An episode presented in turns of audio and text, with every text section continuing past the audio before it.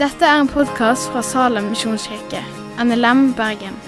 For mer informasjon om Salem, gå inn på salem.no.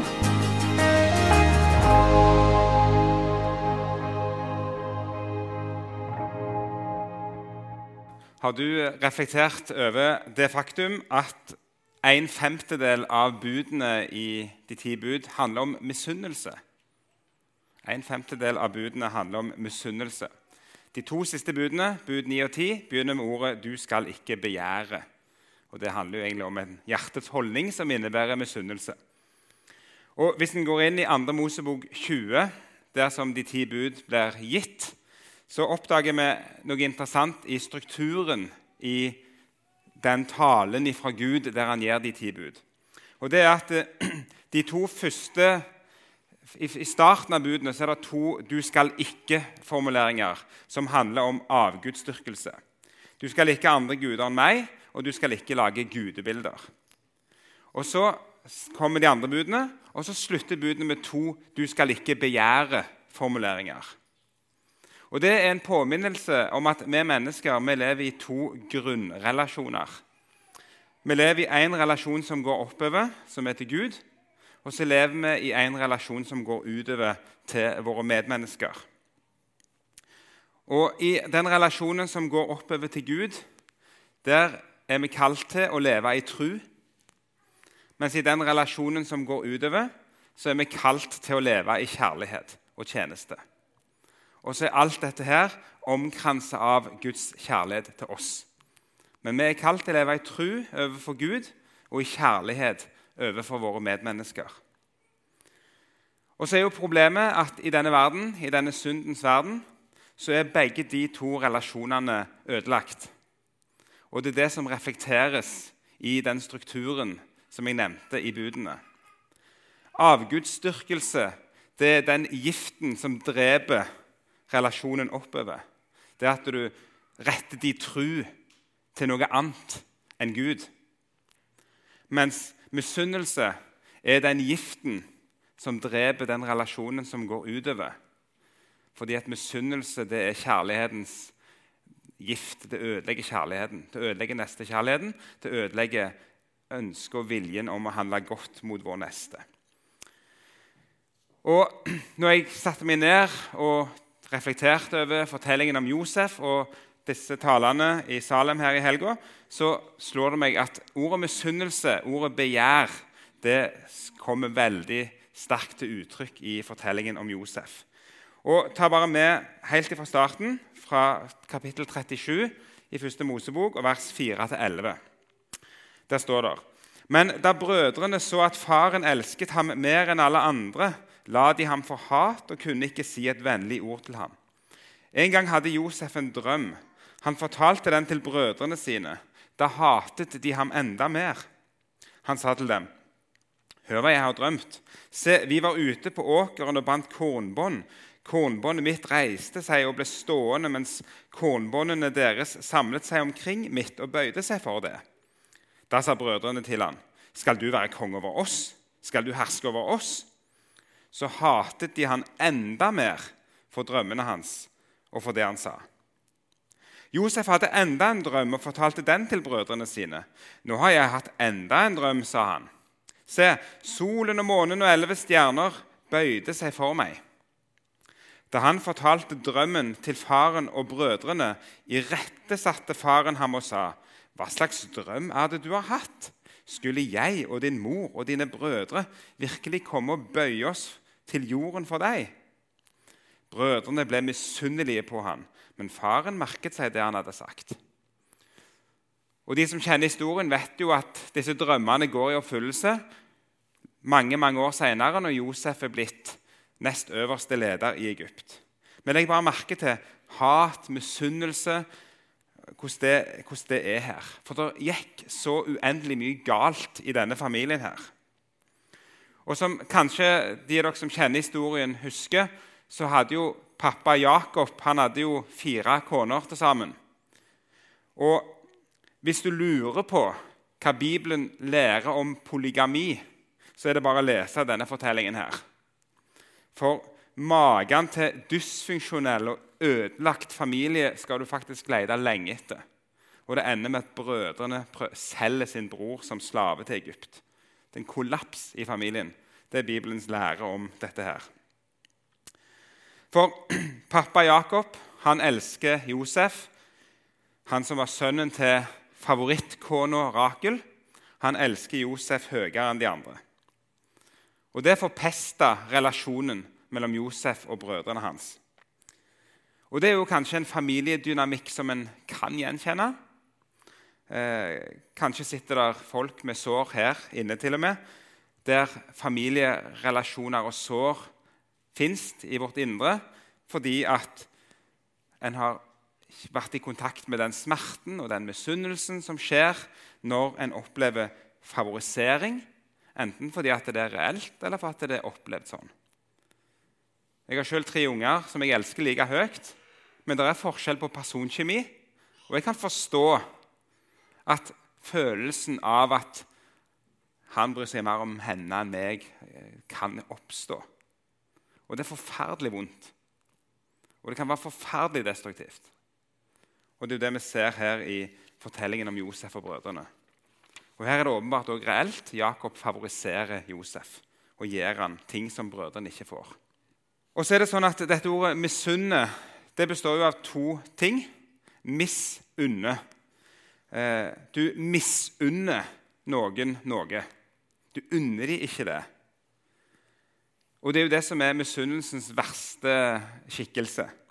Det er en holdning i hjertet som innebærer at en gjør alt annet enn å elske sin neste som seg sjøl. I stedet for så unner en ikke sin neste noe som helst. Ja, Dypt inne i bunnen av hjertets grums så er det kanskje til og med en, et ønske om at det skal gå galt med den du misunner. Og når det går galt, så er det skadefryd inni her. En forferdelig ting, en forferdelig ondskap. Misunnelse er ugras med et djupt rotsystem. Og det forpester, og det ødelegger. Og misunnelsen den allierer seg med stoltheten vår. Og så blir han fora med bitterhet. Og så gjemmer han seg i de mørkeste krokene av hjertet vårt. Og så er han som en sånn edderkopp som vever et nett som fanger alle andre mørke impulser, og så er alt dette samla. Og så fòres misunnelsen og, og, bitterheten og hat og forakten. Og Derfor så skriver Jakob i sitt brev at for hvor misunnelse og selvhevdelse rår, der er det uorden og alt som er ondt. Der misunnelse og selvhevdelse rår, er det uorden og alt som er ondt. Og når misunnelsen når den kommer til overflaten, så er vi mestere på å pakke den inn og skjule den. For den driver oss jo til å lete etter feil hos andre. Den driver oss til å bortforklare og ikke anerkjenne som bra det som noen andre gjør. Eller til å overse og bagatellisere egenskaper og trekk med våre medmennesker som vi egentlig burde snakket varmt om. Misunnelsen gjør oss veldig kreative. Den, den, gjør at vi er enormt flinke til å finne et eller annet å utsette. Enten vi pakker det inn i det ene eller det andre, så gjør han oss fryktelig kreative. Så misunnelsen den splitter, og den driver mennesker vekk fra hverandre. Og Det er ikke uten grunn at misunnelse har en veldig tydelig plass i det som vi kaller for Bibelens lastekataloger. Disse avsnittene, særlig til brevene, hvor det ramses opp ulike typer synder og laster som Guds folk må holde seg vekke fra. Og Det som er påfallende, er at ordet misunnelse veldig ofte står sammen med ordet strid. Misunnelse og strid henger nesten alltid nøye sammen. Og hvor ofte er det vel ikke at strid og splid enten i familier, på arbeidsplasser, til og med i menigheter, kan føres tilbake til misunnelse og selvhevdelse og stolthet. Og så er det dette da som driver brødrene til Josef. Og så vokser den til et inderlig hat Og når de får til slutt sjansen, så er det altså drap som står øverst på lista over handlingspunkter for Josef sine brødre. Og det er kun når storebror Ruben snakker de til fornuft, at de nøyer seg med å kaste Josef i en brønn. Han ville redde Josef, eh, kanskje med en baktanke, for han hadde sjøl eh, et problem med sin far. Han hadde ligget med fars medhustru. Så han var gjerne drevet av selvhevdelse, han òg. Men i alle fall så redda han livet til Josef. Og så er det en detalj, da, for de, de hiver jo han der i brønnen. Og så er det en sånn detalj som jeg har hengt meg opp i. I forbindelse med at de har kasta han i brønnen, så står det Så satte de seg ned for å spise. De hiver broren i brønnen. Så satte de seg ned for å spise. Hverdagslig. Men tenk så fælt. De sitter og nyter et måltid mat, mens broren deres er djupt nede i en brønn og kaver i mørket. Kanskje hører de dempa rop fra han. Kanskje hører de hvordan han prøver å klatre opp, og så hører de dumpen han detter ned igjen. De satte seg ned for å spise. Og Senere så gjør de jo en handel med noen midjanittiske slavedrivere og handelsmenn og selger han til Egypt. Og Uten å nøle så går de rett hjem til far Jakob og så lyger de blankt for han og konstruerer en historie om at Josef antageligvis er blitt drept av et villdyr. Og De tar til og med og slakter en bukk og dypper kjortelen til Josef i den og viser fram til far. Misunnelse gjør kreativ. Dette er det som driver de. En forferdelig urett som de gjør imot sin egen bror. Og Så leser vi om hvordan han blir havner i Egypt, og alt han opplever av smerte og sår der nede, før han lenge, lenge senere, etter 13 år senere Fra han er 17 til han er 30, så er han enten slave eller fange i, egyptisk, i Egypt. Den tida av livet hvor en gjerne tenker det var glanstida. Da var det så mye spennende som skjedde. Da sitter han i fengsel eller er slave pga. brødrenes misunnelse. Men så leser vi da sant, om et oppgjør. For det er jo det som skjer videre. Fortellingen drives videre imot en konfrontasjon og imot et oppgjør. Eh, og den giften som misunnelsen har bredt, har forårsaket en ondskap som gjør at dette oppgjøret blir veldig smertefullt. 21 år senere, drevet av hungersnød som rammer hele det nære Midtøsten, så kommer jo brødrene omsider til Egypt. Og Vi leser at Josef setter dem på en skikkelig prøve. De gjenkjenner ikke han, og han bruker anledningen til å sette dem på en veldig stor prøve. Og Vi får aldri vite motivasjonen til Josef for å gjøre det. Kanskje er det en test for å sjekke, undersøke hjertelaget deres. Eller kanskje er Josef dreven og reven imellom ønsket om å hevne seg på dem versus å ikke gjøre det. Vi får aldri vite det.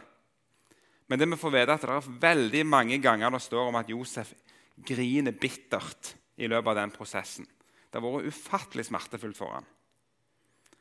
Men det vi leser er at han begynner med å anklage dem for, for, å være spioner. Og så tvinger han dem til å la den ene broren, Simon, bli igjen som et pant på at de neste gang skal ta med den aller, aller minste broren sin, Benjamin, som har blitt igjen hjemme hos far. Og Brødrene blir skrekkslagne når de får høre dette her. Og det står at de begynner å, å, å forstå noe om sin egen historie. De sa til hverandre, 'Sannelig, vi er skyldige.' 'Vi så at broren vår var i stor nød da han bønnfalt oss om nåde.' 'Men vi hørte ikke på han. Derfor er også vi nå kommet i nød.' Ruben svarte dem, 'Sa jeg ikke at dere ikke måtte gjøre gutten noe ondt?' men dere ville ikke høre, så nå kreves det gjengjeld for hans blod. 21 år seinere, en helt annen episode, men de forstår umiddelbart De husker umiddelbart hva de gjorde. Dette har ligget der hele tida. Hva var det misunnelsen drev de til å gjøre mot Josef? Og så endelig begynner de å snakke om det. De har gjerne tidsstilt i 21 år. Sant? Prøvd å lure hverandre til å ignorere det de gjorde. Og så legges det til i den forbindelse at de visste ikke at Josef forsto dette, for han brukte tolk. Og han snudde seg fra dem og gråt. Igjen den smerten som Josef må ha hatt. Han hører at brødrene begynner å erkjenne hvor galt det var, det de gjorde. Senere så, så reiser de hjem, og så må de senere tilbake igjen for å kjøpe mer korn. Gang nummer to. Denne gangen så har de med seg Benjamin. Og de får gjort sitt ærend. De reiser opp igjen. Men Josef har smugla sitt sølvbeger ned i sekken til Benjamin. og De setter etter, anklager de for tyveri. Selvfølgelig så ligger han i Benjamin sin sekk, tilbake igjen til Egypt.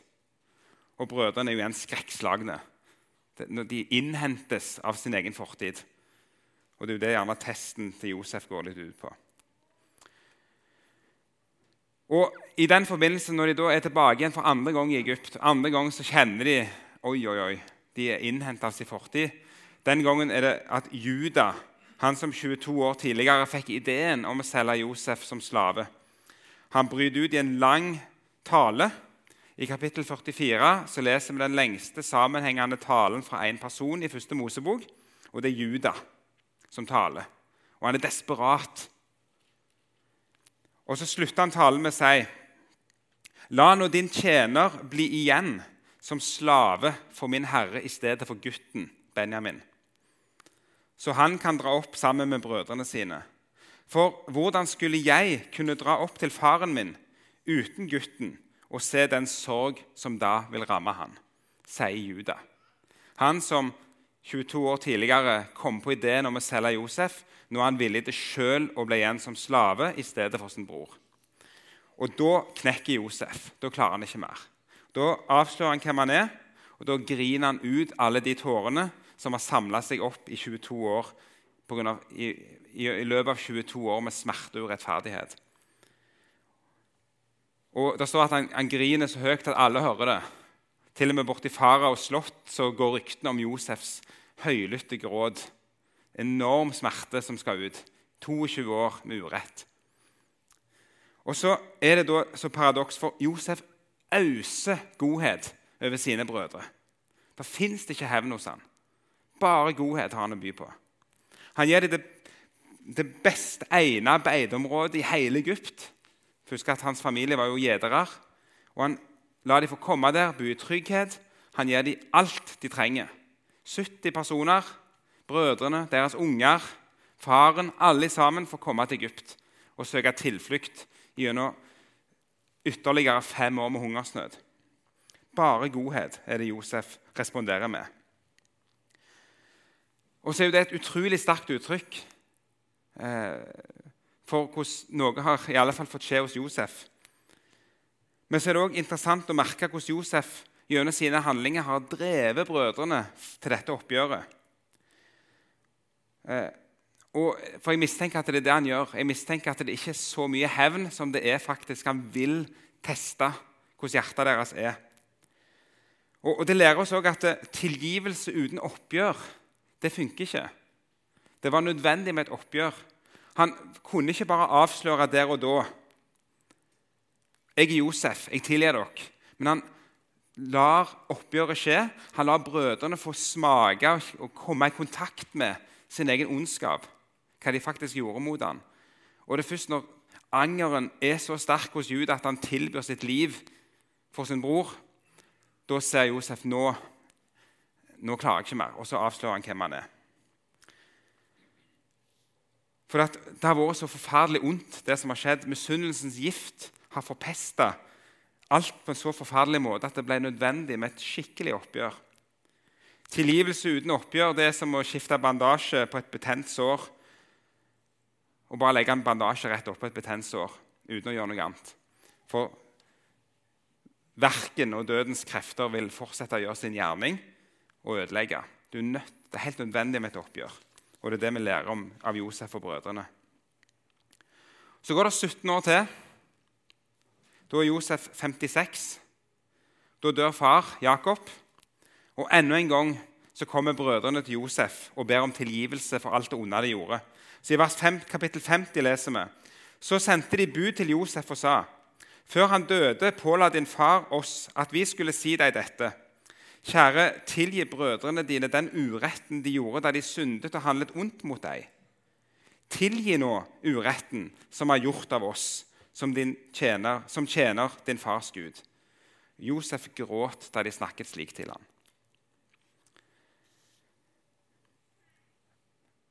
Vi får igjen et inntrykk altså det er 17 år til har gått. Det har gått 17 år siden Josef første gangen gjorde godt imot dem. Ennå så sitter giften i. Ennå så, det, er, det, har vært så ødeleggende. Det har vært så destruktivt. Enda en gang har de behov for å komme til Josef. Enda en gang har de behov for å erkjenne sin synd, be om tilgivelse eh, og be om at han må vise dem godhet. Josef griner. Eh, vi får ikke vite hvorfor. Men vi kan likevel forstå at dette er en påminnelse. Dette er, det har ødelagt så mye. En brorsrelasjon har nå vært ødelagt i nett 39 år pga. misunnelsen. Men Josef han taler til, deres hjerte, står der. Og han, han sier jeg vil bare vise godt imot dere. Om igjen og om igjen så ser vi at Josef er sånn. Han lover å ta seg av de han lover å ta seg av ungene deres i all framtid.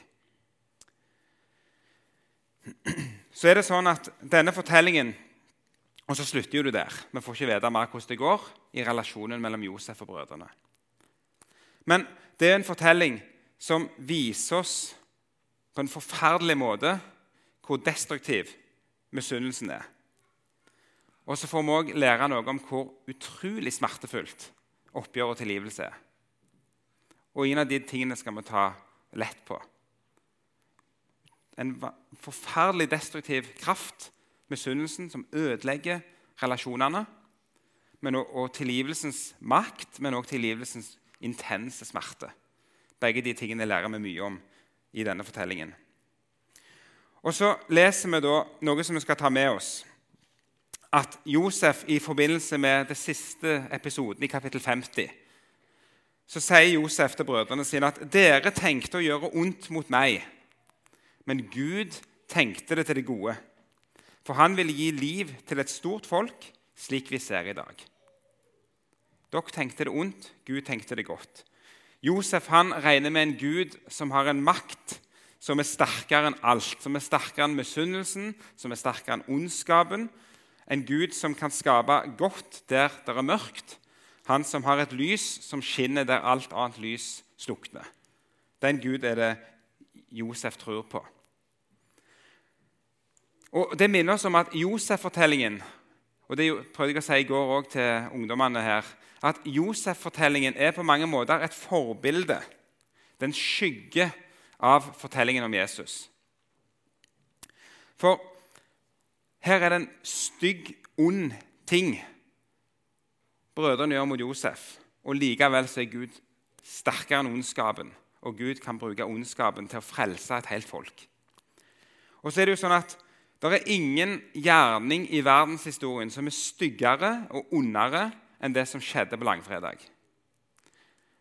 Aldri før har det vært et større misforhold mellom overgriper og offer. Når den rene, hellige Gud blir korsfesta av menneskers misunnelse, du kan ikke finne et større misforhold mellom offer og overgriper. Han var helt uten synd, og likevel så utsettes han for dette. Og Det leser vi at Pilatus, det står om Pilatus at han visste at det var misunnelse som drev øversteprestene til å utlevere Jesus. Det var misunnelse som lå i bånn òg der.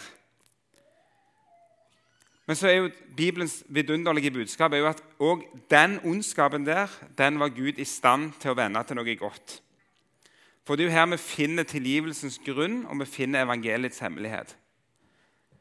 At i samme stund som det så ut som at misunnelsen og ondskapen hadde fått siste ord, da roper Jesus 'det er fullbrakt'. Og så dør han. Og så vant han seier over misunnelsen gjennom det. Og så er det på en måte der vi må ende opp. Vi må formane hverandre til å ta misunnelsens gift vekk ifra vår midte, ifra vårt fellesskap, og hjelpe hverandre til oppgjør. Så viser Bibelen oss likevel at oppgjøret må alltid drive oss til Golgata. Du kommer ikke utenom oppgjør og tilgivelse uten at du går veien om Golgata. Og Derfor er historien om Josef også et bilde på historien om Jesus. Historien om han som ble hata og forakta av sine egne og solgt vekk til den sikre død. Men som på underfullt vis kommer tilbake og blir til redning for sitt folk. Det var jo det som skjedde med Josef, og det var jo egentlig også det som skjedde med Jesus. Og Derfor så roper Jesus det er fullbrakt. All ondskap, all misunnelse, alt ble tatt med på korset. Når du ser inn i ditt hjerte og oppdager avgudsdyrkelse, misunnelse, råttenhet, ondskap, så skal du få huske det at det er fullbrakt. Og du skal få komme til Jesus, og du skal få oppleve hans tilgivelse. Og så er det der det fins kraft.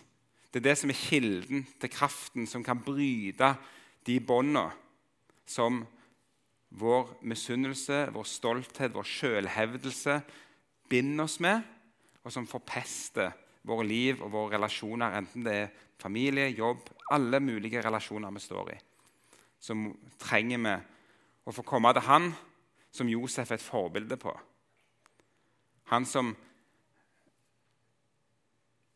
fikk snu all ondskap til vår frelse. Det skal vi få ta med oss i dag. Så skal vi be en bønn til slutt. Gode Gud og himmelske Far, jeg takker og lover deg for din store godhet imot oss. Og jeg takker deg, Herre, for at du kunne vende det ondeste og det verste som har skjedd, til noe godt. Og takk, Herre, for at din tilgivelse og din nåde er mektig til å bryte ondskapens bånd i våre liv. Og jeg ber Herre om at du må røre ved våre hjerter, og du må vise oss det vi trenger å ta et oppgjør med, sånn at vi kan få leve i et helt forhold til deg og et helt forhold til våre medmennesker. Det ber jeg om i Jesu navn. Amen. Takk for at du har hørt på podkasten fra Salem, Bergen. I Salem vil vi vinne, bevare, utruste og sende, til Guds ære. Vi ønsker å se mennesker finne fellesskap, møte Jesus og bli disippelgjort her i Bergen og i resten av verden. Vil du vite mer om oss, gå inn på salem.no. Bye.